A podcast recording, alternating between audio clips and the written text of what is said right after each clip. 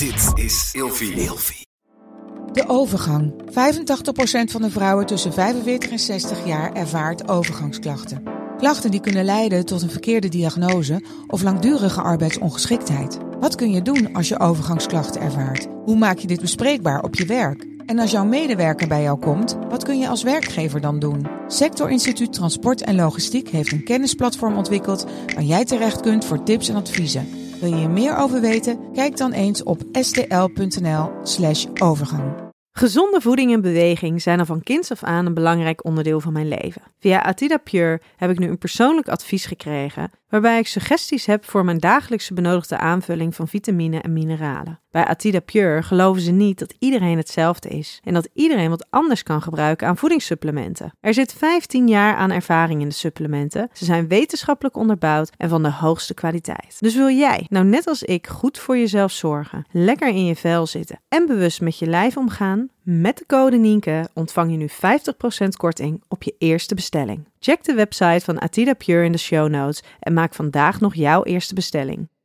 Tegenwoordig is het natuurlijk heel erg in om met die bondage-achtige leren bandjes, harnassen rond te lopen. Ja, ik liep daar al mee toen ik 16 was. Ik ging gewoon naar de kroeg met daar gewoon op een t-shirt met Blowjob Queen erop. Ik vond dat cool. In het gooien was dat? Ja, dat Ja? was in het Welkom bij een nieuwe wekelijkse aflevering van Seks, Relaties en Liefdes.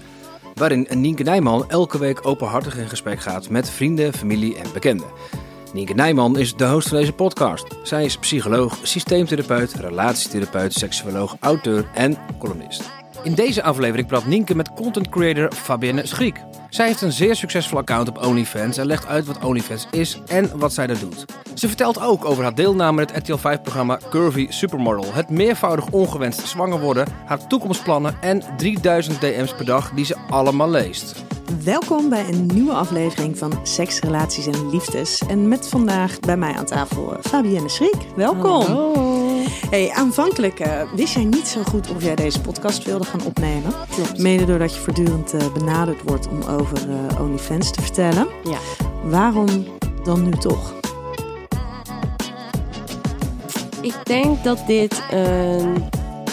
Sowieso is dit een platform waarop je uitgebreider kan vertellen hoe het in elkaar zit. En het is gewoon op dit moment, als je ziet hoe OnlyFans in de media staat, is het gewoon alleen maar snelle headlines pakken. En een hele negatieve vibe waarin mensen alleen maar willen horen hoe weinig moeite het zogenaamd kost. En hoeveel je er wel niet mee kan verdienen. Ehm, en het idee willen scheppen dat alles en iedereen dat zomaar kan. Wat helemaal niet het geval is. Dus dit leek mij onder andere een mooie manier om te kunnen toelichten hoe het wel in elkaar zit en werkt. Nou, wij gaan het eh, uitgebreid hebben over eh, OnlyFans. Maar we gaan het natuurlijk ook gewoon over jou hebben. Ehm, maar niet voordat ik jou eventjes twee cadeautjes ga geven. Oh, Oh, jij bent helemaal naar Schiedam gekomen Ja. vanuit, nou ja, het gooien met de trein. Dus je bent even onderweg geweest. Ehm, een eh, fles eh, Bobby's Gin, Schiedamse. oh. Dan, Echte die Schiedamse gaat gin. op dit weekend. Heel goed, heel goed. Dat hoort ook. En ehm, ik heb mijn boek voor jou. Oh, dat vind ik ook leuk. De relatie APK. Nou, eh, als mijn vriend het hoort, Ja, je mocht hem mention, hè? Je mocht hem noemen. die gaat echt zijn borst eh, nat maken nu, denk ik. ik, eh, ik ben heel erg benieuwd. Ehm, hey, ik heb jou gevraagd om vijf woorden te bedenken die voor jou gaan over seks, relaties en liefdes. Welke zijn dat geworden? Ik heb ze proberen te bedenken samen met mijn vriend. Want ik wilde ook een mannelijke point of view weten. Nou ja, hij kwam natuurlijk met hele andere dingen dan ik. Eh, maar hij had er eentje, die wil ik wel noemen, en dat is rood. Ehm, ik kwam met eh, leerzaam, eh, vredig, ehm, vertrouwen. En hij zei knuffelen. Dus die wil ik toch, die vond ik wel heel schattig. Dus die wil ik toch ook Ja. wel even noemen. En ik ben heel benieuwd wat rood betekent.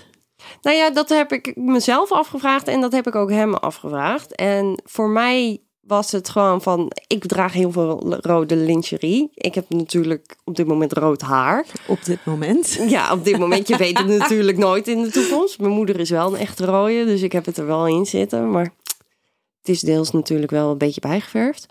Ehm, nou ja, rood staat natuurlijk centraal voor de kleur van de liefde, de symbolen van het hart en dat soort dingen. En mijn vriend die kwam dus ook als eerste met rood. En ik weet niet of dat dus komt door de symbolische associatie met rood en liefde. Of dat het meer kwam van mij en mijn haarkleur. Maar En je lingerie. ja, dus in elk geval was het gewoon... Rood was zeg maar het eerste wat eh, opkwam. Dus Ja. nou ja, de rood. Ja, hey, en leerzaam. Oh, man. Ehm, ik heb niet altijd de beste keuzes gemaakt als het gaat om relaties. En ook nu in deze relatie. Wij zijn nu eind deze maand we drie jaar samen. En dit is mijn eerste vredige relatie. Daarom heb ik ook voor die andere vrede gekozen. Ehm, dat elke relatie, of die nou positief of negatief is, leert je wat. En gaandeweg leer je natuurlijk ook elkaar kennen en jezelf beter kennen en leren communiceren en dat soort dingen. Dus daarom leerzaam is wel iets waar je elke dag mee bezig bent, of je nou met iemand bent of niet. Ja. Maar op deze relatie die is, is prettiger leren dan je vorige relaties. Ja, nou ja, de- elke relatie is natuurlijk anders. En de een is makkelijker om mee te communiceren dan de ander. Kijk, ik heb heel veel over mezelf geleerd, juist in de tijd dat ik geen relatie had. Dat was anderhalf jaar voor deze. En een stukje eigenwaarde wat ik daar ben tegengekomen. En vooral het leren zetten van grenzen. Wat ik op elk vlak in mijn leven kon, behalve in mijn relaties. Waardoor ik ook meer eisen ben gaan stellen aan mijn partners. En hoe ik behandeld wil worden. En wat, hoe ik mijn liefde uit. En hoe dat wel of niet bij iemand matcht. Als je zeg maar wel of niet gelooft in love languages, Mhm. om het zo te zeggen. Ehm, en hoe ik het ook fijn vind om eh, liefde te krijgen. Want je hebt natuurlijk mensen die uiten het op hun eigen manier. En soms sluit het gewoon niet aan dat jij je ook geliefd voelt. Ja. Ja, daar staat toevallig ook een heel stuk over geschreven. Oh, top. de top. talen van de liefde. Ja. Hey, en knuffelig. Zijn jullie knuffelig? Ja, Ja. wij zijn allebei. Ik, ik wil niet zeggen dat we per se klef zijn in publiekelijke sferen, want dat hebben we allebei niet zo. Gewoon omdat we het leuk vinden om met anderen te socializen, allebei. Maar het, fysiek zijn wij allebei heel erg ingesteld. En het is wel little spoon, big spoon, de hele dag door even een kusje. Ook al gaat hij vijf minuten naar de supermarkt en dat soort dingen. Dus ja, het is altijd samen slapen en het is wel zoveel mogelijk lichamelijk contact. Of dat nou seksueel is of juist helemaal niet. Nee. Nee, wij gaan het zo nog ehm, uitgebreid hebben over jouw relatie. Want ik ben oprecht heel nieuwsgierig. Oh, jee. ja, maar hoe je dat dus ook combineert met in ieder geval een stuk van, jouw eh, van jouw werk. Ehm, en om dat gesprek te gaan voeren heb ik eh, zo vijf stellingen voor jou. Oh. Maar niet voordat ik de luisteraar vraag om de podcast Seks, Relaties en Liefdes te volgen.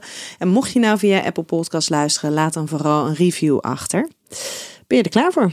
Ja, laat maar komen. Oké. En niet gelijk schrikken, hè? Als, Oh ik, als ik iets zeg waarvan je denkt, help, je ben ik niet mee eens, dan hoor ik het juist Ja. heel graag van je. Oké, de eerste. Seks zelfs, ongeacht wie je bent. Ja en nee. Want? Ja, het zelt, ongeacht wie je bent. Want er is voor iedereen is er een bepaald type fetish eh, of dat soort dingen. Ehm, maar of het per se zelt, dat... Ik bedoel ook het werk wat ik doe op OnlyFans, 80% is marketing. Dus als je marketing niet op orde is, dan zelt het helemaal niet. Ook al kan jij een type zijn voor duizenden, honderden mensen. Ja. Maar voor de rest, ja, iedereen kan het doen. Want voor iedere, ieder poortje past een dekseltje, om het zo te zeggen. ja. Ook als het gaat om seks en wat je aantrekkelijk vindt. Ja, want je, hè, als je, voor degene die Fabienne niet kennen, ik zou vooral eventjes eh, kijken op haar, eh, op haar Instagram. Ehm, je bent natuurlijk wel een verschijning. Al is het alleen maar om je rode krullen. Ja. Ja, Ja. maar jij bent natuurlijk wel een verschijning. En het is inderdaad, het is, het is keihard werken. Het is keihard marketing. Ja. Dus keihard jezelf in de markt zetten. Ja. Eigenlijk dat stukje van jezelf verkopen. Ehm, maar dat is natuurlijk wel echt een, een, een, ehm, een vaardigheid die je moet hebben. Een skill die je moet hebben. Dat is het ook. Het is net zoals eh, het stukje. eh, mensen kunnen niet kopen als, jij, als ze niet weten dat jij te koop hebt. Ehm, en met dit soort werk is dat net zo. Zeg maar. Je moet wel actief zijn op platformen zoals social media. Sommigen die breiden het uit naar eh seksgerelateerde websites zoals FetLife. Ehm, om daar hun volgers te vinden, zeg maar, die geïnteresseerd zijn. En vanuit social media kan je het natuurlijk categoriseren in doelgroepen die passen met hoe jij eruit ziet en waar mensen een zwak voor hebben. En ik ben toen de tijd begonnen met roodharigen. De crypto voor heel veel mannen, de kryptonite. Dus dat is hoe ik in feite begonnen ben. En vervolgens ben ik het gaan uitbreiden van oké, nou ja, ehm, wat meer vollere vrouwen, bleke huid. Ik ben vrij lang, dus toen was het oké. je hebt natuurlijk, er zijn ook mensen die een fetish hebben voor lange vrouwen. Nou ja, toen dat soort dingen. En zo ga je steeds verder uitbreiden van oh, wat voor set, fetishes zijn er eigenlijk en waar val ik onder? En En zijn het dan je- allemaal fetishes of zijn het ook gewoon seksuele voorkeuren die tot uiting komen in een voorkeur hebben voor vrouwen met rood haar, voor vrouwen die Ja, dat Ja. zo. Ja, het is het, zeg maar. Ik weet niet. Ik zou niet weten wanneer iets specifiek het label krijgt fetish. Maar Ja, een fetish is in principe eh, seksuele opwinding ervaren.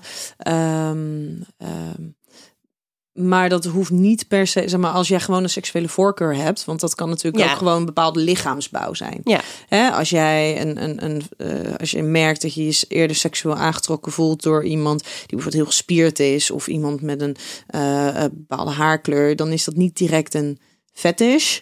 Ehm, of niet ex- exclusief nodig om Ja. opgewonden te raken, maar is het wel iets waar je, waar je heel erg tot aangetrokken voelt. en een fetish moet je dus. Nou, ja, dat gaat wat verder dan dat. Dat gaat wat verder dan gewoon een seksuele een voorkeur hebben. Ja, nee, Voor. oké, nee, duidelijk. Nou ja, dat ja. Ik, ik denk dat je gewoon op dat soort manieren gewoon heel erg kan eh, zoeken naar de doelgroep die je Ja, waar je bij past, zeg Ja. maar. Jij, jij kiest 9 van de 10 keer niet de doelgroep. De doelgroep kiest jou. ja, ja. En bij een fetish is het trouwens ook nog zo. Ik zit eventjes met parafilie of met, met fetish. Maar ehm, als het goed is, is het dat allebei gaat het ook om het... ehm, eh, zeg maar bijvoorbeeld bij parafilie heb je dus ook het ervaren van opwinding bij niet, eh, bij niet menselijke objecten. En Ja, oké. ja, dus dan, ja, ja. Dus en als jij het gewoon bent, Ja, ja. dan is het menselijk in dit geval. Ja. De tweede stelling: als je geld verdient met seks, ben je een sekswerker? Hmm. Ik vroeg jou dit toen we elkaar voor Ja. het eerst spraken, en toen dacht je, oeh, daar heb ik nog nooit zo over nagedacht. Ja, laat ik het zo zeggen. Mensen in mijn omgeving zouden het natuurlijk niet per se oké vinden. Want het is nogal een label natuurlijk. En het taboe. En dat is ook waarom veel mensen, ook al doe ik voornamelijk lingerie content en zo, niet willen dat ik dat label op mezelf plak. Ehm, in mijn opinie, iedereen die werkt in feite verkoopt zijn lichaam. Of dat nou is omdat je een baas hebt die jou vertelt dat je op een bepaald tijdstip, bepaalde dag van 9 tot 5 in het kantoor moet zitten. Of dat je eh, een foto van je voeten bij wijze van spreken op het internet gooit. Ehm, het, dus ja, ik weet niet. Ik denk, ik, ik geef mezelf in die zin wel eh, het label een sekswerker, want ik verkoop in die zin wel foto's, afbeeldingen, eh, filmpjes van mijn lichaamsdelen. Maar aan de andere kant, ook met mijn modellenwerk doe ik precies hetzelfde, maar dan heb ik dat label ineens niet. Nee, maar, Dus het ligt er een beetje aan aan wie je het vraagt, denk ik. ja, maar vind jij dat jij seks verkoopt? Nee. Dat, ja, dat klinkt heel raar waarschijnlijk. Nou, nee, dat klinkt helemaal niet raar. Kijk, ik maak natuurlijk geen porno. En dat is in mijn ogen puur seks. Want wat doe je Ehm. wel voor de luisteraar die jou niet kent, die nog nooit op OnlyFans heeft gezeten? Eh, ik doe van alles. En dan hebben we het over micro bikinis, ehm, lingerie, uh, fetish content in de zin van uh, voeten, panties, sokken, dat soort dingen. Ehm, ik doe girlfriend experience. Heel veel volgers van mij die hebben gewoon echt een emotionele band met mij. En die vertellen ook gewoon over hun dagelijks leven en hun problemen en dingen die ze meemaken. En die vinden dat juist heel erg fijn. En zit daar dan ook seks aan gekoppeld? Of is dat. Voor sommigen wel, voor sommigen niet. Ik bedoel, een deel van mijn volgers, die heb ik nog nooit in mijn leven gesproken. Maar die volgen me al wel. En steunen me financieel, om het zo te zeggen, al wel voor een jaar. En een kleine 20% die praat wel tegen je. Soms alleen over de dingen die je verkoopt of stuurt. En sommigen die gewoon jou willen kennen omdat ze gewoon zoiets hebben van, oh, er zit, ik wil weten wat er nog meer achter zit. Ja, maar als je het bijvoorbeeld over die fetish content met, met panties en met sokken. Um, wat moeten we ons daarbij voorstellen? Hoe ziet, is, zijn dat filmpjes? Zijn dat foto's? Ja, beide.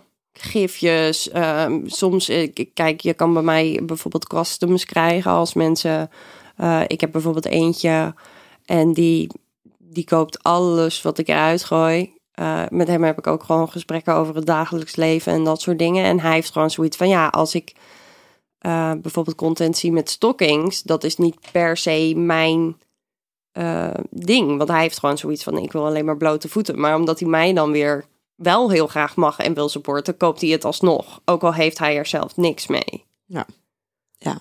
Maar jij hebt dan gewoon panties aan. Jij hebt gewoon ja. stockings aan. Ja. Dat is het. Ja. Ja. Vind je dat seks? Vind ik dat seks? Nee, maar ik, dat denk ik omdat het puur komt omdat ik er geen seksuele associatie mee heb. En ik denk dat dat heel erg een verschil maakt. Ook, um, zeg maar, mij maakt het niet uit wat jij vervolgens met die foto's doet. Ten, kijk, tenzij Denk het commercieel... na? Nee. okay. Nee, oprecht helemaal niet. Kijk, ik, het kan best zijn. Ik weet dat ook met mijn Instagram mensen doen gewoon hun, mijn foto's op een wallpaper, op een telefoon en weet ik het wat. En je hebt natuurlijk ook, als je het hebt over een fanbase, dat mensen op een gegeven moment je gezicht tatoeëren en je naam en dat soort dingen. En dat kan heel ver gaan natuurlijk. En ook met dit zeg maar, ik doe mijn deel. En wat hun er vervolgens mee doen, ook al hangen ze het op in een wc, interesseert me helemaal niks. Het is hetzelfde als jij iets verkoopt bij de intratuin. Het maakt mij niet uit wat jij met die plant doet. Waar jij hem neerzet, of jij hem wel of niet goed behandelt, of dat ding nog drie jaar leeft, dat weet je niet. Maar dat is niet mijn deel van de verkoop. Nee. En dat is misschien ook maar goed ook, dat je je daar niet al te bewust van bent. Ja, weet ik niet. Ik zou het aan de ene kant wel fascinerend vinden, denk ik. Ik bedoel, ik maak heel veel dingen mee op dit platform. Ik leer steeds meer dingen over mensen en wat ze wel en niet opwindend vinden. Dus ja. aan de ene kant vind ik het wel grappig om te weten. Maar aan de andere kant, ja, het is niet alsof mijn mening daar iets in gaat veranderen. Nee. Hey, maar als jij vanuit jouw perspectief dan denkt dat jij eigenlijk geen seks verkoopt. Um, ben je dan, zou je jezelf dan een sekswerker kunnen noemen? Want er is inderdaad, hè, er is een enorm groot aanbod op OnlyFans door, door verschillende mensen. Er zijn mensen die daadwerkelijk seks hebben. Ja. Um, of, of seksuele handelingen verrichten, uh, terwijl dat dus getoond wordt. Um, maar dat doe jij allemaal niet. Nee. Maar ja, ik denk dat het dan komt gewoon puur uh, er is een heel groot verschil tussen wat voor label andere mensen mij zouden geven en wat ik mezelf geef. Kijk, ik vind mezelf in die zin, juist omdat ik niet die stap neem uh, tot echt masturbatie of porno of dergelijke, dat ik geen sekswerker ben. Maar ik kan me wel voorstellen vanwege het stigma wat hangt rondom OnlyFans, dat andere mensen mij een sekswerker vinden. Ook omdat ze niet weten wat ik verkoop. Want het zit natuurlijk achter een paywall. Dus het is ook een beetje aannames van hen. Dat ze gewoon zoiets hebben van: oh ja, nou ja, OnlyFans is porno. Dus dan is zij een sekswerker. En dan komen de bijgevoegde associaties daar natuurlijk ja. Ja. bij. Terwijl dat is natuurlijk, eh, daar hadden we het uh, hier voor de podcast ook wel even over. OnlyFans, het wordt heel veel gebruikt hè, voor porno. Maar dat is natuurlijk niet het enige wat het te bieden heeft. En er zijn natuurlijk heel veel artiesten, mensen die daar gewoon andere dingen aanbieden, die helemaal niks met, met erotiek of met seks te maken hebben. Dat klopt. Zou denk je dat als het stigma minder groot is, dat, dat jij je daarin ook vrijer voelt om jezelf te labelen zoals dat jij zelf wil? Oh, jeetje, filosofische vragen hier al. Ehm, weet ik niet, want ik, kijk, ik persoonlijk, ik geef heel weinig om de mening van anderen. Zo heb ik altijd al in elkaar gezeten. En ik beschrijf mezelf als vrij open over seks, ben ik altijd al geweest. Ik heb alles gedaan wat God verboden heeft, terwijl mijn bedpartners op één hand te tellen zijn. Maar ik ben heel experimenteel en ik heb, ben altijd vrij. Ja, tegenwoordig is het natuurlijk heel erg in om met die bondage-achtige leren bandjes, harnassen rond te lopen. Ja, ik liep daar al mee toen ik 16 was en dat mensen je aan zaten te krijgen. Ik ging gewoon naar de kroeg met daar gewoon op een t-shirt met blowjob queen erop. Daarmee ging ik gewoon naar de kroeg. Ik vond dat cool. In het gooien was dat? Ja, dat Ja? was in het Dus ik ben altijd al. En kijk, mensen hebben daar natuurlijk altijd al hun hele mening over gehad. Ik ben, ja, ik heb zelf geen taboe met seks. En ik vind juist dat het heel erg bespreekbaar moet zijn. En dat je er heel erg. Ja, ik heb er in die zin weinig negatieve ervaringen mee. Ik denk dat dat er ook heel erg mee te maken heeft gehad. Eh, ik snap dat als je dat wel hebt gehad, dat je misschien er minder comfortabel mee Mhm. bent om erover te praten of om het te hebben. Ehm, dus ik denk dat dat een heel groot verschil maakt. Dus omdat ik ook nooit gegeven heb om de mening van anderen, maakt het mij ook niet uit wat voor label eraan hangt. Maar ik hou in die zin wel rekening met mijn omgeving. Want die staan er, sommigen staan daar anders in dan dat ik erin sta. Ja. ja. Hey, we gaan eh, door naar de volgende stelling. We komen daar zo nog even op terug. Sexy zijn binnen modellenwerk is iets heel anders dan sexy zijn binnen je relatie. Ja, 100 procent. Vertel. 100 procent. kijk, met mijn werk pas ik me, eh, of dat nu is voor een, een, een lingeriemerk of voor OnlyFans, pas ik me natuurlijk aan op wat de klant wil of wat voor uitstraling hun willen dat het eh, bedrijf heeft of het merk heeft. En met je partner is dat veel persoonlijker. Zeg maar, het is en blijft werk. En bij werk pas je je aan.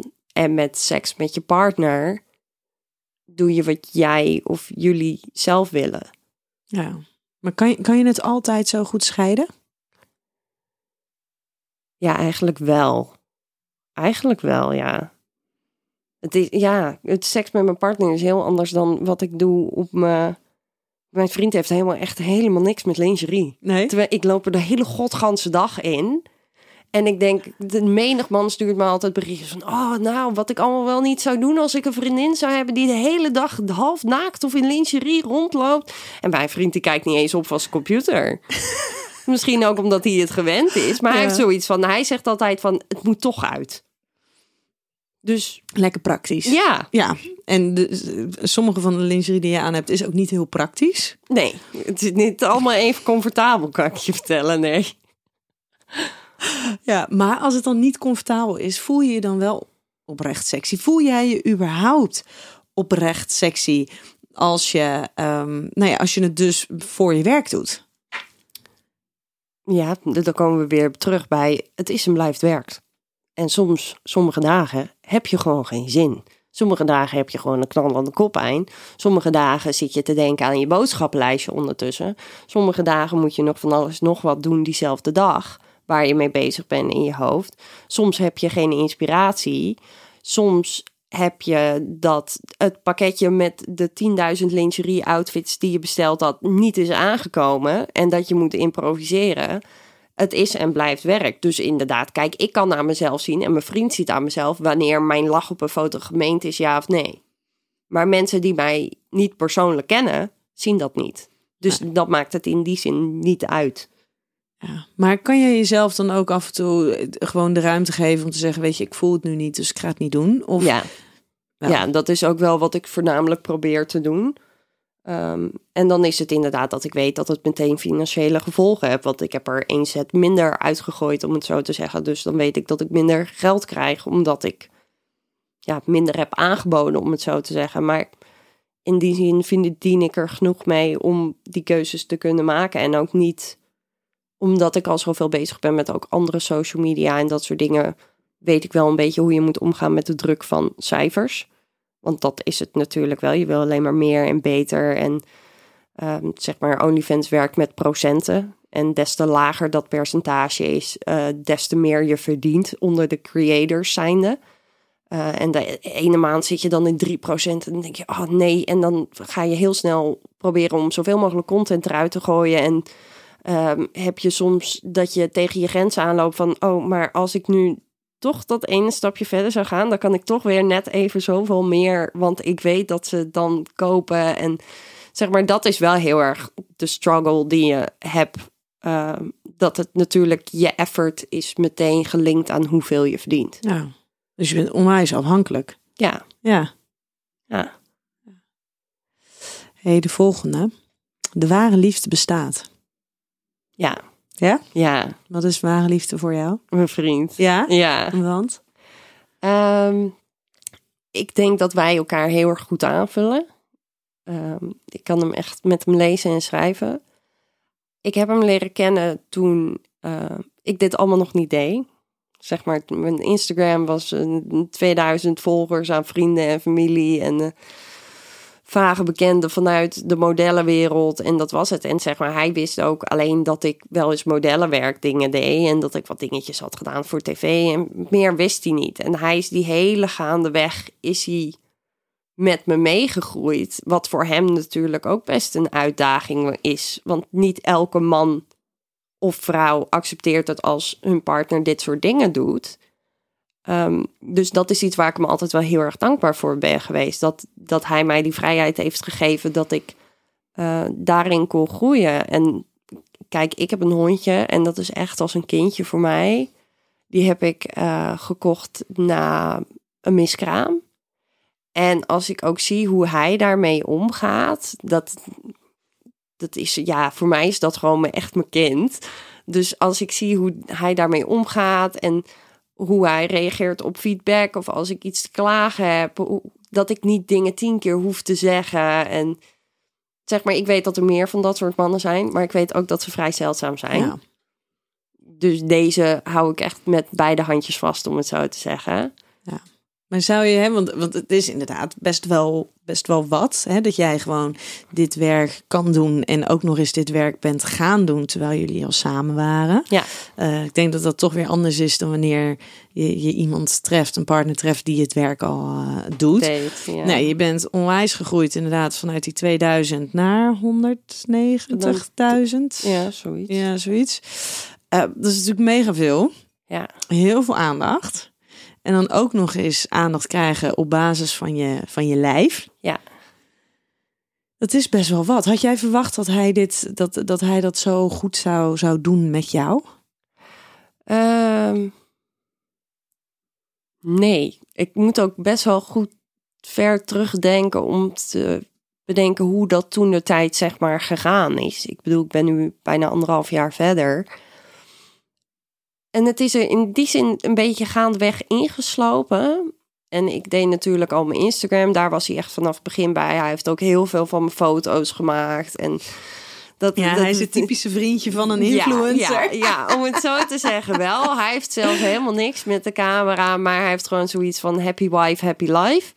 Dus hij heeft zoiets van als ik haar hiermee kan helpen, dan doe ik dat. En uh, verder is het gewoon dat we hebben het wel besproken van tevoren van oké, wat vind je oké, wat vind je niet oké.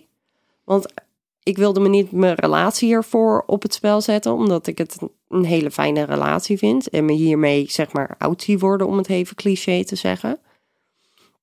Maar het is natuurlijk wel dat je dus ook bezig bent met die nummers en zoiets hebt van nou ja, ik kan hier zoveel geld mee verdienen dat zowel hij als ik nooit meer hoeven te werken.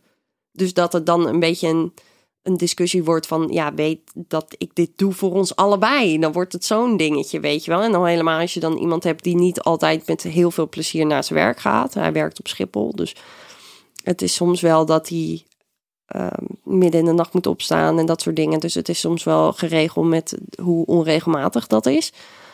Ehm, dat ik zoiets heb van, hij is niet heel ambitieus. En dat vind ik prima. Ik, heb, ik vind dat heel erg fijn dat hij juist niet die druk op zichzelf legt. Mhm. Ehm, maar dat zorgt er wel voor dat, juist omdat ik dat wel ben, dat ik meer druk voel van: oké, nou ja, als wij een vrijstaand huis willen, dan hebben we minimaal zoveel duizend euro nodig. En dan moet dat dus grotendeels van mij afkomen. En Maar dat lijkt me ook wel weer een hele verantwoordelijkheid die je dan voelt. ja, is het ook. Maar dat is het hele punt. Ik leg hem wel op mezelf. Het is niet enige druk vanuit hem of hij heeft, is helemaal niet zo materialistisch. En hij is net wel? zo gelukkig in een kartonnen doos onder een brug als dat hij is in een villa bewijzen van. En ik heb dat de laatste paar jaren heb ik dat wat meer gehad. Dat ik zoiets had van oké, nou ja, ik merk nu gewoon hoeveel duurder het leven begint te worden. En dat ik vooruit ga denken van oké, als ik kinderen wil, ik kan dat niet betalen. Dus wat ga ik doen zodat ik kan zorgen dat ik mezelf een kind kan veroorloven zonder dat ik een kind in een situatie hoef te zetten waar het niet kan krijgen wat het nodig heeft. Ja. En dat is iets waar hij bijvoorbeeld niet altijd aan denkt. Nee, maar je benoemde net eventjes, hè, je hondje die kwam na een, een, een miskraam. Was dat, was dat wel al een geplande? Was een ongeplande? Ik, eh, ja, dit eh, gaat ook weer heel veel discussie opleveren. Ehm, ik ben veel vruchtbaarder dan de gemiddelde vrouw. En ehm, op mijn twaalfde ging ik aan de pil. En op mijn zestiende, de eerste keer dat ik seks had in mijn leven, ben ik meteen zwanger geworden. Oh, wauw. Ja, door de pil heen. Ehm, nou, mijn ouders, oh, mijn moeder was vrij supportive. Ze was wel boos, maar mijn vader heeft echt drie maanden niet tegen me gesproken. Maar en, en waar zat dan die boosheid in? Dachten ze dat je onveilige seks had gehad? Ja, ze dachten dat ik in die zin dat ik in, gewoon of mijn pil was vergeten of niet opnieuw had ingenomen. Dat ik in elk geval roekeloos was geweest. Ehm, en zij nu met de gebakken peren zaten, om het zo te zeggen. Want je kan je kind natuurlijk niet forceren om een bepaalde keuze te maken. Ook al zouden hun dat bijvoorbeeld wel willen. Ehm, en omdat ik, ik woonde thuis, ik was aan het studeren. Dat zeg maar, als ik een kind zou hebben, zou dat zo'n drastische invloed hebben op mijn leven. Plus, ik had echt een vreselijk vriendje. Dat was een van die verkeerde keuzes. Dat was een van die verkeerde keuzes. Dus, en achteraf heb ik nu zoiets van, het is maar goed ook, want ik had echt een vreselijk leven gehad als ik voor altijd aan hem vast had gezeten.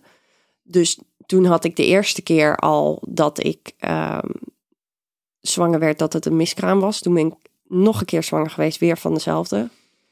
Vervolgens bij mijn vorige vriendje niks aan de hand. Jongens, ik weet nu ook heel goed wie de goed zaad heeft en wie niet. Ehm, Die tweede keer ook weer door ja, de pil heen. Ik heb intussen tijd negen verschillende anticonceptie gehad. Ik ben door de prikpil heen gegaan, eh, koperspiraal, ehm, de pil, verschillende soorten van de pil. Inmiddels heb ik nu een Kilena-spiraal, die werkt redelijk. Want ik heb ook het nadeel dat van heel veel anticonceptie krijg ik van die 1 op 10.000 bijwerkingen. Dus dan hebben we het over heel erge depressies, eh, nierfalen, dat soort dingen. Dus ik kan ook niet alles hebben. Daarom werkte de koperspiraal heel goed voor mij, totdat het misging. En gewoon een condoom? Ja, nee. ja, het klinkt heel stom. Maar ik denk dat we allemaal in de praktijk weten dat het niet. Kijk, ik ben er 100% een voorstander van om dat te gebruiken als je iemand niet goed kent. Maar als je allebei weet dat je in een vaste monogame relatie zit en allebei zo vrij bent, dan weet je dat dat in spontaniteit niet altijd Dat werkt. niet altijd bij de hand is. Dus andere En het is ook een stukje frustratie dat je zoiets hebt van... ja, maar ik zit al aan de anticonceptie met al zoveel bijwerkingen. Waarom kan dit, dit niet gewoon werken? Dus ja, dan is het gynaecoloog op en af. En die komen dan tot de conclusie van... nou ja, waarschijnlijk ben je niet twee, drie dagen vruchtbaar, maar zeven. En nogmaals, met alle liefde geef ik deze kracht, om het zo te zeggen... aan iemand die geen kinderen zou kunnen krijgen... of het heel graag zou willen. Want ik vind het heel naar dat juist ik het heb... terwijl ik nou sowieso de komende vijf jaar geen kinderen wil, dan wel misschien helemaal niet. Want dat is natuurlijk het wrangen eraan. Maar je, ja, het is gewoon frustrerend dat het dan gewoon niet werkt terwijl je wilt dat het werkt. En ervan uitgaat dat het medisch gezien gewoon werkt. Ja, maar dat is wel heel bizar. En het is sowieso, hè, dit, is, en dit staat even volledig los van de discussie of het gesprek over vrouwen die dus inderdaad wel een wens hebben, maar niet zwanger kunnen worden. Ehm, je wil natuurlijk niet op die leeftijd al twee keer zwanger zijn geweest. Nee, het Dat is, is- natuurlijk ook iets wat niet heel veel leeftijdsgenoten dan kunnen Begrijpen, begrijpen, mee omgaan. En Als je het hebt over oordelen. ja, dat is natuurlijk inderdaad ook een dingetje. En zeker toen ook met met mijn huidige vriend is het ook een aantal keer gebeurd. En dat is dan, dan krijg je weer van, oké, is het buitenbaarmoedelijk? Want toen heb ik er eentje gehad, die was buitenbaarmoedelijk. En omdat je dan wel weer, zeg maar, een oudere leeftijd hebt. Want ik bedoel, de eerste keer was ik 24 volgens mij. Dan is het alweer dat het een hele andere discussie wordt. Maar tegelijkertijd, wij kwamen allebei toen uit een andere relatie. Wij woonden allebei thuis. En dan is het ook weer niet een ideale situatie. Dus ik denk dat gewenst zwanger wordt niet per se hangt aan een bepaalde leeftijd, maar meer de situatie en omgeving waar je in zit. Ja, ja. Jeetje. Maar en, en dan, ehm, het zwanger worden ging wel eigenlijk altijd gekoppeld ook met een miskraam? Of heb je daarin ook andere beslissingen genomen? Nee, ik heb toen ook andere beslissingen genomen. Die met eh, de buitenbaarmoedelijke, toen was het dat we eh, eh, voor de keuze stonden dat ik, ik, heb, ik ben inmiddels zoveel zwanger geweest. Ik heb het binnen twee weken heb ik het al door. Het is zonder te testen, dat wij ja. dit gesprek zo voeren. Hè? Het is echt, het is ongelooflijk. Dit is dus ook iets waar je last van kan hebben. Ja, dat is wel echt zo. En ja, het is natuurlijk een stukje onbegrip, omdat mensen zoiets hebben van ja, maar je moet blij zijn dat je het kan. Maar ja, als het niet, als je het niet wil of het niet uitkomt, het is natuurlijk altijd een keuze. Die hebben we tegenwoordig dankzij Ja, anticonceptie. we hebben die keuzevrijheid. En ja. als het ineens dan een soort van geen keuze meer is. Dus toen hebben we besloten van oké, nou ja, het is buitenbaarmoedelijk. Toen hebben ze gezegd van eh, je kan het besluiten om te houden. Maar ze hadden in het bloedonderzoek al gezien dat hij niet snel genoeg groeide qua hormonen. Dus toen hebben ze gezegd van oké, de kans dat je een miskraam krijgt gaandeweg is heel groot. Zeker omdat ik ouder was, stond ik er ook wat anders in. En ik, nu ook in de relatie die wij nu hebben, had ik zoiets van: als ik van jou een kind krijg, zou ik het niet erg vinden, om het zo te zeggen. Dan daar zou ik mee kunnen leven. En dan weet ik dat ik in elk geval een goede vader heb, of wij nou wel of niet samen zouden zijn in de toekomst.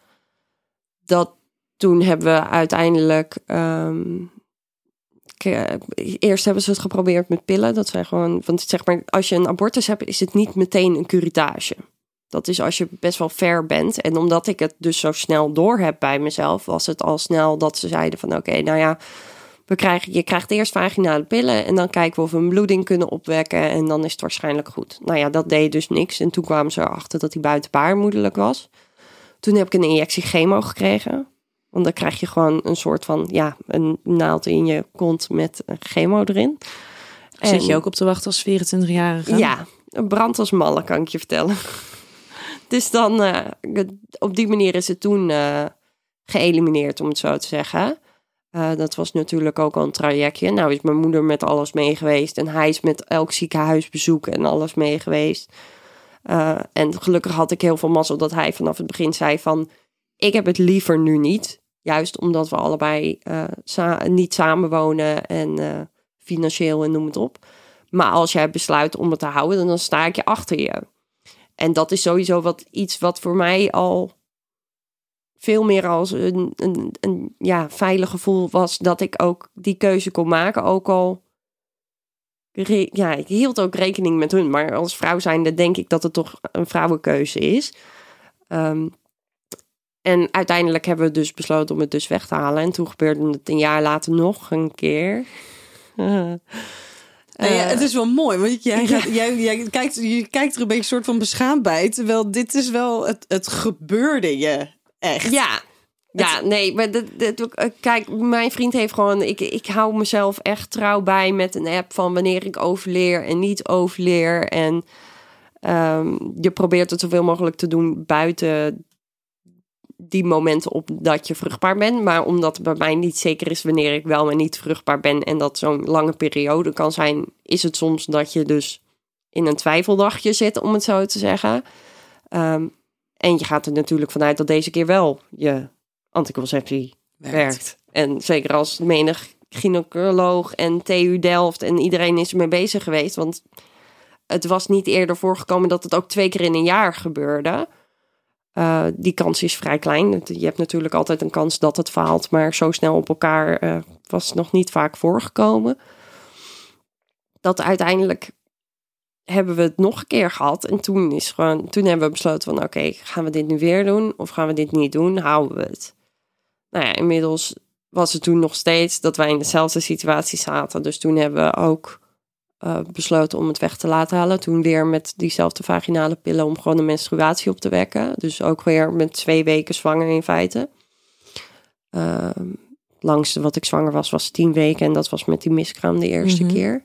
Voor de rest is het altijd voor zes weken of iets dergelijks geweest. Dus in die zin lichamelijk heb ik er weinig last van gehad. Maar emotioneel is het Ja. natuurlijk als vrouw zijnde zeker een dingetje. En ook al ben ik echt een supporter van abortus en vrije keuze, is het natuurlijk wel dat op de een of andere manier, zodra je als vrouw zijnde weet dat je zwanger bent, dan voel je je anders. Dan ga je je hechten of zo. Ja, maar en dat is, dat is natuurlijk heel natuurlijk wat er Ja. dan gebeurt. Maar dan, hoe... Stel, stel dat zou nu, nu weer gebeuren, om het zo maar even te zeggen. Want op dit moment zou er nog niet, zijn jullie er nog niet aan toe om daarvoor te kiezen. Nee. Ehm, hoe combineer je dat dan met, met in ieder geval dit stil, de, stuk van jouw werk? Want jij, jij hebt Niet. veel meer werk. Hè? Dat eventjes, uh, OnlyFans is, is een stuk van jouw werk. Maar jij doet ook allemaal andere werk wat helemaal niks met sexy zijn te maken heeft. Hè, jij werkt gewoon echt heel veel uur per week. Ehm, maar je zegt, eh, je zou niet. Nee. Dat combineer je dan niet. Nee, nee. Dat, het is, dat is een beetje het hele ding ook waarom ik zo gebrand ben op zoveel werken. Omdat ik weet dat zeker OnlyFans nu natuurlijk een groot deel van mijn inkomen. Ik weet dat als ik een kind heb, kan ik dit niet meer doen. Niet alleen omdat het dan met een kind moeilijker te combineren is, maar als vrouw zijn die je lichaam verandert natuurlijk. Ik heb negen maanden een enorme toeter. Nou is dat natuurlijk ook weer een dingetje voor sommige mensen. Dat is wel weer een unieke markt waar je op kan inspelen. Dat is natuurlijk wel zo. En ook in de modellenwereld wordt er veel naar gevraagd. Maar het is wel zo. Dan heb ik weer een extra iets om rekening, een persoon om rekening mee te houden. En ik denk dat mijn vriendse point of view dan misschien ook wel verandert. Wat ik ook heel goed kan begrijpen. Dus in mijn hoofd ben ik gewoon gebrand van: oké, voordat ik kinderen wil, daarom heb ik nu mijn streven gezet op minimaal vijf jaar. Wil ik klaar zijn dat ik financieel enigszins dan wel niet helemaal onafhankelijk ben. Dat ik gewoon een parttime baan kan hebben omdat ik het leuk vind. En verder gewoon niks meer hoef te doen. Ja. ja, want als je kijkt naar hoeveel, hoeveel uur jij in de week nu bezig bent met OnlyFans, op hoeveel kom je dan ongeveer uit? Oh man. Ehm, ik denk Want je dat krijgt ik... heel de dag berichtjes. Ja, dit is denk ik... Ik ben twee dagen ongeveer bezig met mijn content. Dus dat dus is het dan- maken van foto's. Dat is het maken van mijn content. Dat is ehm, het editen ervan, het uploaden. Nou, dan krijg je inderdaad het deel dat ik ongeveer elke paar uur check ik of ik berichten heb. Dan praat ik met die mensen, wat ik 9 van de 10 keer ook super leuk vind. Want, Want ieder- hoe, hoeveel berichtjes krijg je op een dag? Ligt eraan welk platform je vraagt. Eh, OnlyFans? Op OnlyFans, nou niet zoveel, vijf of tien of zo. Het valt er reuze Dat mee. valt heel erg mee. Maar, Het is, niet iedereen heeft ook de behoefte om te praten. En bijvoorbeeld op een Instagram? 3000? Per dag? Ja. Oké. Ja. En, wat, en, en zijn dat allemaal, allemaal mannen? Voornamelijk. Ja, 85% ongeveer wel, ja. En die willen contact met jou? Of die willen ja, iets van jou? Dat op de een of andere manier denken mannen altijd dat alles wat ze voorbij zien lopen... en dan heb ik het niet over alle mannen hoor, don't get me wrong. Ehm, Maar de mannen die in jouw DM ja, eh, die, die hebben gewoon zoiets van, nou ja, oké, we zien de vrouw, dus we gaan een poging maken. Sommigen komen van de hele andere kant van de wereld, maar ja, nee, gewoon mensen die foto's sturen van, oh, dit zijn mijn auto's, dit is hoeveel ik verdien, eh, ik zoek iemand om mee te trouwen, dit en dit zijn mijn hobby's, heb je interesse? Nee, Ja, echt? het is heel willekeurig. Maar waarom krijg jij die dan wel en ik niet? Ja, dat is een hele goede vraag. En Eh, jij hebt trouwens, dat is wel een grappige, mijn, man, die heeft jou ook in jouw eh, DM geslaaid. Ehm, eh, om- daarom zit je namelijk nu hier. Even om een kader te schetsen. ik lees ze allemaal, jongens. Ja, maar lees je ze inderdaad Ja. allemaal? Ja. Oké, of, of ga je gewoon, denk je, oh ja, deze naam ziet er in ieder geval soort van normaal uit en daar kan ik op antwoorden. Nee, ik lees het allemaal puur alleen al omdat ik wil weten hoe mensen reageren op mijn content. Want meestal is het naar aanleiding van een story of een post of iets in die trant. Ehm, dus ik kan zien hoe mensen erop reageren. En ik, zeker op mijn story discussieer ik nogal wel eens over bepaalde topics. Ehm, dat nogal een reactie kan uitlokken bij sommige mensen. Dus ik vind het altijd wel leuk om te lezen. En gewoon, sommige mensen sturen de hele dag gewoon plaatjes van honden en eendjes. En gewoon hele schattige dingen. Het is super willekeurig, heel random. Maar er zitten gewoon... Ja, en soms lees je iets en dan denk je... dit slaat echt helemaal nergens op. Of dan is het alleen maar iemand die de hele tijd hoi, hoi, hoi, hoi. Of die 10.000 keer video chat, videocall met je proberen te doen. Dat je gewoon uren kan terugscrollen aan hoe vaak ze dat al geprobeerd hebben in drie jaar tijd. Alsof je een willekeurig persoon gaat opnemen. Maar ja, wie niet waagt, die niet wint. Ja. Dus ze doen het, maar ik vind het altijd wel leuk. Ja. Ja, en een van de dingen, hè, heel veel mensen zullen inderdaad vooroordelen hebben over, over nou ja, jou, dit stukje van jouw werk. Ja. Ehm, terwijl het zijn in principe, wat je in ieder geval op Instagram zet, zijn natuurlijk echt gewoon hele mooie foto's. Mag je stijl zijn, je mag vinden, ik zou het niet doen. Maar op zich zijn Ja. het gewoon hele kwalitatief mooie foto's. Ehm, maar een van de dingen die er natuurlijk ook heel mooi bij is, jij behoudt zelf de controle. Jij Ja. bepaalt zelf wat je plaatst. Ja. Weet je, daarin kan je zelf natuurlijk heel duidelijk je eigen grenzen aanhouden. ja, de enige die me het zelf kan pushen om bepaalde dingen te doen is ikzelf. Dat is echt zo. Want ik bedoel, ik heb zeg maar op zowel Instagram als OnlyFans, ik heb duizenden, honderdduizenden euro's aangeboden gekregen van, oh, doe je volledig naakt, oh, doe dit, doe dat. Eh, Ja, nee, dat, dat doe ik niet. Maar dat is ook puur gewoon omdat het wel heel erg is op dat soort platformen. Zodra je een vinger geeft, willen ze je hele hand. En het maakt En laat, echt niet... laat staan een stukje huid. Ja, het maakt echt niet uit wat voor content je doet. Er zijn altijd mensen die willen net dat ene stapje meer. Dat is gewoon dat niet kunnen bereiken van eh, wat jij niet aanbiedt, zeg maar. Dus als jij lingerie doet, dan willen ze masturbatie. Doe je masturbatie, dan willen ze porno. Doe je porno, dan willen ze eh orgies. eh so on, so on. Dus de enige grens die je kan stellen is die van jezelf. Want mensen willen toch altijd meer. Maakt Ja. niet uit hoeveel van je zelf je laat zien of doet. Het is in die zin, je kan niet iedereen tevreden houden. Nee. Dus, dus je kan beter op zoek gaan naar de doelgroep die wel interesse heeft in wat jij aanbiedt. Ja. Hey, en er komt nu een, eh, of die komt, die is onlangs verschenen, documentaire over eh, OnlyFans. Wat vind jij daarvan? Er gaat nu al van alles door je heen. Vertel.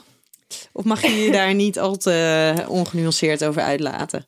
Ehm, nou ja, niet ten koste van iemand die ook meegedaan heeft hoor, met die documentaire hoor. Ehm, dat, dat helemaal niet. Ehm, heel veel vriendinnen van mij of iemand waarmee ik al heel lang bevriend ben, die doet ook dit werk. En we hebben met z'n tweeën, hebben, eh, was het al van, oh ja, ze gaan die documentaire doen. Want ze hadden mij ook gevraagd. Maar omdat ik de insteek weet eh, waarop ze dit soort programma's maken, heb ik al zoiets van nee, ik heb al een voorproefje gehad van dit soort media en daar wil ik gewoon niks mee te maken hebben, want ik weet hoe je wordt neergezet, want dat is natuurlijk ook heel erg met media. En wij hebben de eerste anderhalf, twee afleveringen hebben we zitten kijken en in die zin vind ik het wel heel goed dat ze een beeld schetsen van eh, zowel de BN'er kant, zeg maar, eh, zoals de Rosanna en de Levi en maar ook de normale kant. Dus, dus hadden een jonge Marvin en die, die verdiende heel weinig ermee. Maar die stopte wel zijn hele hart en ziel erin. al en die was drie aan het jaar sparen, hè? lang. En ik vond het ja. zo aandoenlijk. Ja, en die was ook nog aan het sparen om naar zijn vriend toe te kunnen Ja. gaan. Ja. Ja. Ik vond het echt heel aandoenlijk. Dat ik zoiets had van, oké, nou ik vind wel fijn dat jullie een heel breed dingetje neerzetten, maar gewoon de manier wat de hele insteek is van. nou, het, ik zeg maar, ik hoor de productie al gewoon zeggen van, ja, nou ja, we komen bij je langs en dan eh, moet jij gewoon even doen alsof je je content gaat maken. Dus doe gewoon even een willekeurig setje aan en dan. eh, zeg maar, ik zag het al helemaal voor me hoe ze dat helemaal wilden neerzetten en hoe dat toen de tijd gegaan is en hoe ongemakkelijk dat eigenlijk moet geweest zijn voor de mensen die niet BN'er zijn, zeg maar, en mee hebben gedaan aan die docu. Dat ik ben heel benieuwd hoe hun nu terugkijken erop en of ze er wel of niet spijt van hebben. Want ik kan me best voorstellen dat sommigen dat waarschijnlijk hebben. Dat het niet neer is gezet zoals zij dat hadden gewild. Dat ik zoiets heb van nu alle kranten, alle media, alle Videoland. Want Videoland heeft meerdere producenten die bezig zijn met dit topic en Mhm. daar iets over willen doen. Eh, dat het geeft weinig. Het is niet heel educatief, om het zo te zeggen. Het is puur gewoon het versterken van het hele stigma. En mensen willen vertellen wat ze willen horen, om het zo te zeggen. En hoe het in elkaar zit. En dat het precies is zoals zij denken. Dat de gemiddelde huisvrouw en keukentuin, ja, huismoeder, om het zo te zeggen. Of 18-jarig meisje die daar een idee bij hebt, dat gewoon heel erg willen versterken. Dus ja, ik ben er daarom geen fan van. En als ik ook zo hoor, zeg maar, hoe bij Levi nu zijn OnlyFans-account verwijderd is. Dat ik het er al over had met die vriendin van mij. Dat zij ook al zei van, ja, de guidelines, de community guidelines zijn het per 1 april zijn die gewijzigd. Mhm. En je mag dus ook niet praten ehm, in naam van OnlyFans of het bepaalde uitspraken maken over OnlyFans. En in elk geval in mijn opinie heeft Levi dat wel gedaan. Eh, ik weet natuurlijk niet of dat echt de reden is dat het account verwijderd is, maar het zou mij niks verbazen. Ehm, de, want zijn hele segment was heel anders dan bijvoorbeeld die van Rosanna en ook van de andere creators. Hij was natuurlijk echt de popiopie en ik heb zoveel geld verdiend en bla hij, En- heeft, hij heeft er in ieder geval bakken met geld aan Ja. verdiend. Ja. en zeg maar, het was heel erg van, oh ja, nee, ik hou van mijn fans. Maar ondertussen vond ik wel dat er een degraderend toontje in zat naar zijn subs, om het zo te zeggen. En ik heb wel zoiets van, als je dit doet, dan moet je wel echt een hart hebben voor ja. Je Ja, klanten, want je, om zo je, te zeggen. je hele succes valt en staat met hen. Ja, dat sowieso. Ja. Dat, dat- en ja, daarom had ik zoiets van, ik weet niet of hij het heel slim heeft aangepakt. Ik denk dat hij het puur zag als business opportunity om natuurlijk meer Nederlandse volgers te bereiken, wat ik ook heel erg goed begrijp, want dat Ja. is ook iets waarom ik het zou overwegen. Ehm, maar ik denk dat het misschien bij OnlyFans eh, de verkeerde indruk heeft opgewekt, want het is ook heel frappant dat het ook alleen zijn Account eh, is geweest. is geweest Ja. en niet ook die van de anderen. Ja. En het enige wat me daaraan dus opvalt, is dat hun segments gewoon heel erg verschillend waren. Ja, ja. Hey, ik heb nog een. eh, die zijn we net. We, we kwamen net natuurlijk even in het hele zwanger worden verhaal terecht. Oh. Ehm, ik had namelijk nog een, eh, een laatste stelling voor jou. Ehm jaloezie is desastreus voor relaties. Oh man, man, man. Ehm, ja, ik bedoel, mijn ex was echt, eh, die vond het al vreselijk dat ik modellenwerk deed. En toen deed ik nog niet eens lingerie. Toen hadden we het gewoon als 16-jarige deed ik voor castingbureaus, deed ik portretjes. En dat was al, dat vond hij al echt vreselijk. Want stel je voor, zijn vriendin krijgt aandacht. Ondertussen was hij het type wat alleen maar buiten de pot pieste. Dus het werd lekker op mij geprojecteerd, daar niet van. Ehm, maar eh, ja, nee, mijn vriend is eigenlijk totaal niet jaloers. Ik ben wel jaloers.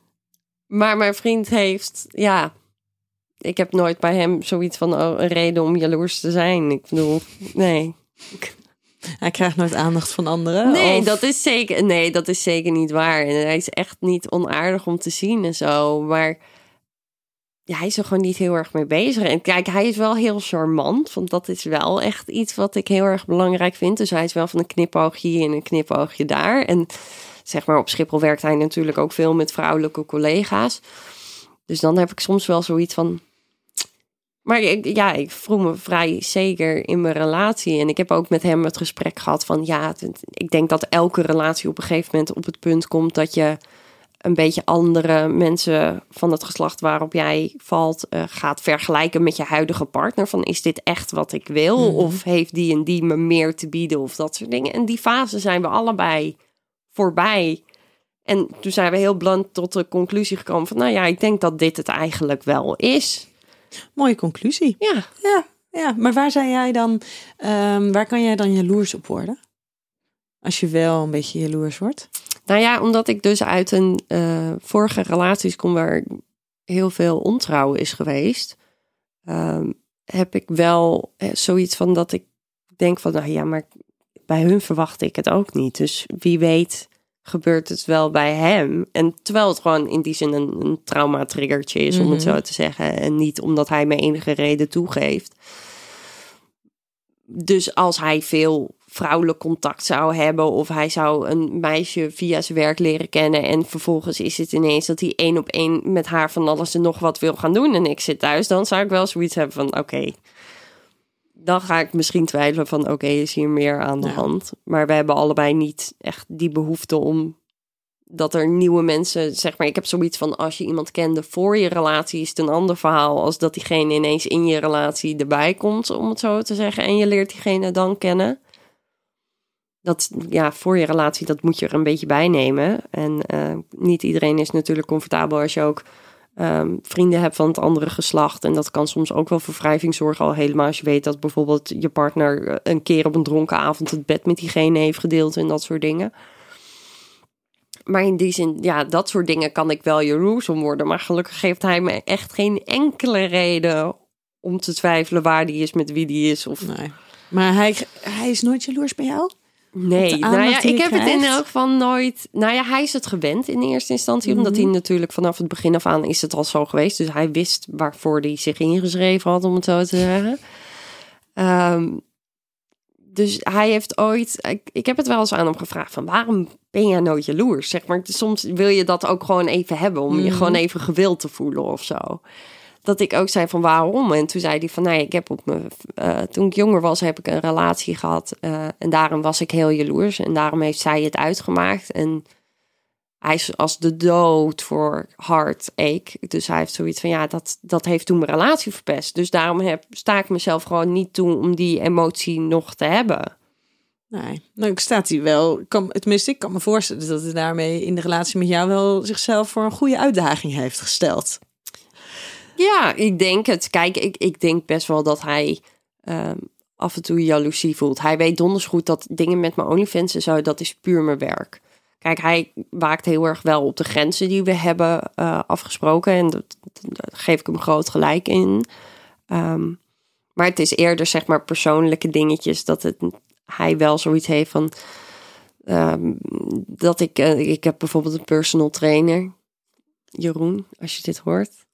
En eh, eh, nou ja, Jeroen is echt gewoon. Kijk, mijn vriend is deels Indonesisch. Hij is vrij ielig gebouwd. En mijn personal trainer, dat is echt een bakbeest van 2 bij 2. Dat hij zoiets heeft van: ja, maar vind je dat dan niet wat? Of dan is het van dat ik zeg van: nou ja, Jeroen is even langs geweest en hij was dan op zijn werk. En ik geef het altijd van tevoren aan.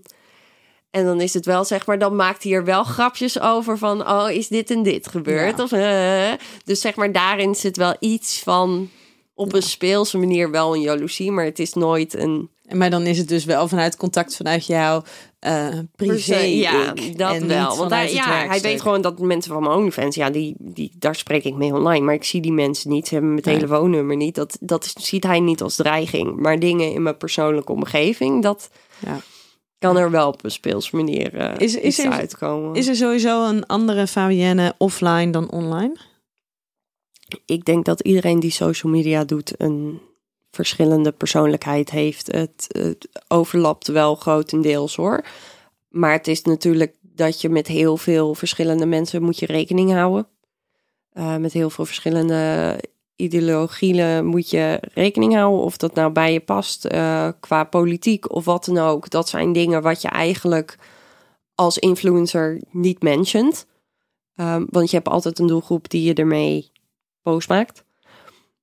Ehm, dus daarin pas je je als iemand die dingen online doet, pas je je altijd wel aan. Mhm. Maar ja, als persoon, zeg maar, offline heb je die gedachten en meningen natuurlijk wel. Maar ja, niet alles deel je online. Nee, nee. En jij bent, voordat je OnlyFans deed, deed je mee met eh, Curvy Supermodels. Ja. Supermodel, sorry. Ehm, vind, vind jij het belangrijk om een rolmodel te zijn? Vind jij het belangrijk om zichtbaar te zijn? Hmm. Vind ik het belangrijk om zichtbaar te zijn? Nee. Maar het is gewoon een bedrijfstak, een, Mhm. een, een werkgelegenheid die in feite iedereen die zich genoeg verdiept en leert kan doen. Eh, zeker als jij een bepaalde kennis hebt over een bepaald topic of een expertise hebt in iets, dan kan jij daar op het internet een doelgroep voor vinden. Ehm, en voor de rest, ja. Niet echt, denk ik.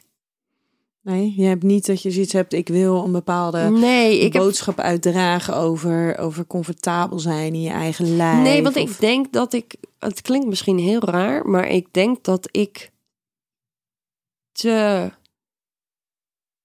Ik denk dat als ik het mezelf kijk van vijf, zes jaar geleden, dat ik het beter had kunnen doen dan dat ik nu doe. Want inmiddels zit ik nu zo fijn in mijn vel en in mijn leven en in de mensen die ik om me heen heb en de dingen die ik doe, dat het voor mij bijna moeilijk wordt om te kunnen inleven hoe iemand zich voelt die dat niet heeft. Terwijl een paar jaar geleden was ik net zo. Maar daarom zeg maar, nu klinkt het voor mij als gewoon logica. Van, oh, nou ja, als je onzeker bent, puntje bepaald. Ik heb laatst heb ik daar een filmpje over gezien en dat vond ik eigenlijk wel een hele goede uitleg. En dat was een man die zei van, als je onzeker bent, komt het omdat je beloftes maakt aan jezelf die je niet nakomt. Ja, Waardoor het eigenlijk een soort van dat je iets anders verwacht of zo eigenlijk Ja. van jezelf. dat zeg maar, dat is wel wat bij mij ook mijn zelfvertrouwen heel erg heeft gegroeid. Dat ik dingen heb bereikt, zoals mijn OnlyFans, zoals mijn Instagram. Dat ik gewoon echt kleine doelen voor mezelf ben gaan zetten. Ehm, en die heb waargemaakt, hoeveel moeite het me ook kostte. Waardoor ik nu zo comfortabel ben met hoe ik ben, wie ik ben, wat ik bereikt heb. En waar ik denk dat mijn kansen en talenten liggen. En het is nu gewoon met social media zo dat als jij we hadden het toen straks natuurlijk al over dat als je dingen wil doen in de trend van body positivity en dat soort dingen, dat je gewoon heel erg de focus ligt op dat je je onzekerheden moet uitvergroten. Van oh ja, ah, jij hebt eh, toevallig strië. Nou ja, dat heb ik ook. Dus nou is het geen probleem meer. Dat ik zoiets heb van als je nou gewoon je denkwijze switcht. Want ik denk dat hoe je in je vel zit echt voornamelijk alleen maar mentaal is. En niet per se hoe je er nou daadwerkelijk uitziet. Dat als je het nou, dat ik ook nu als ik meiden heb die dan voor werkstukken op de middelbare school krijg ik wel eens van dat soort vragen van oh waarom ben jij zo zelfverzekerd en dan zeg ik ook van omdat ik kies waar ik op focus Mhm. en als ik elke dag alleen maar aan het focussen ben op de dingen die ik niet leuk vind of die ik wil veranderen aan mezelf gaat het er echt niet beter op worden dat het echt gewoon helpt als je elke dag gewoon nou ja ik heb misschien vandaag eh, zes puisten, maar gelukkig zien mijn wenkbrauwen er wel goed uit. Zeg maar dat je het gewoon op die manier een positieve draai geeft. Maar je hersenen reageren daar wel op. Zeg maar, je bent wel wat je denkt.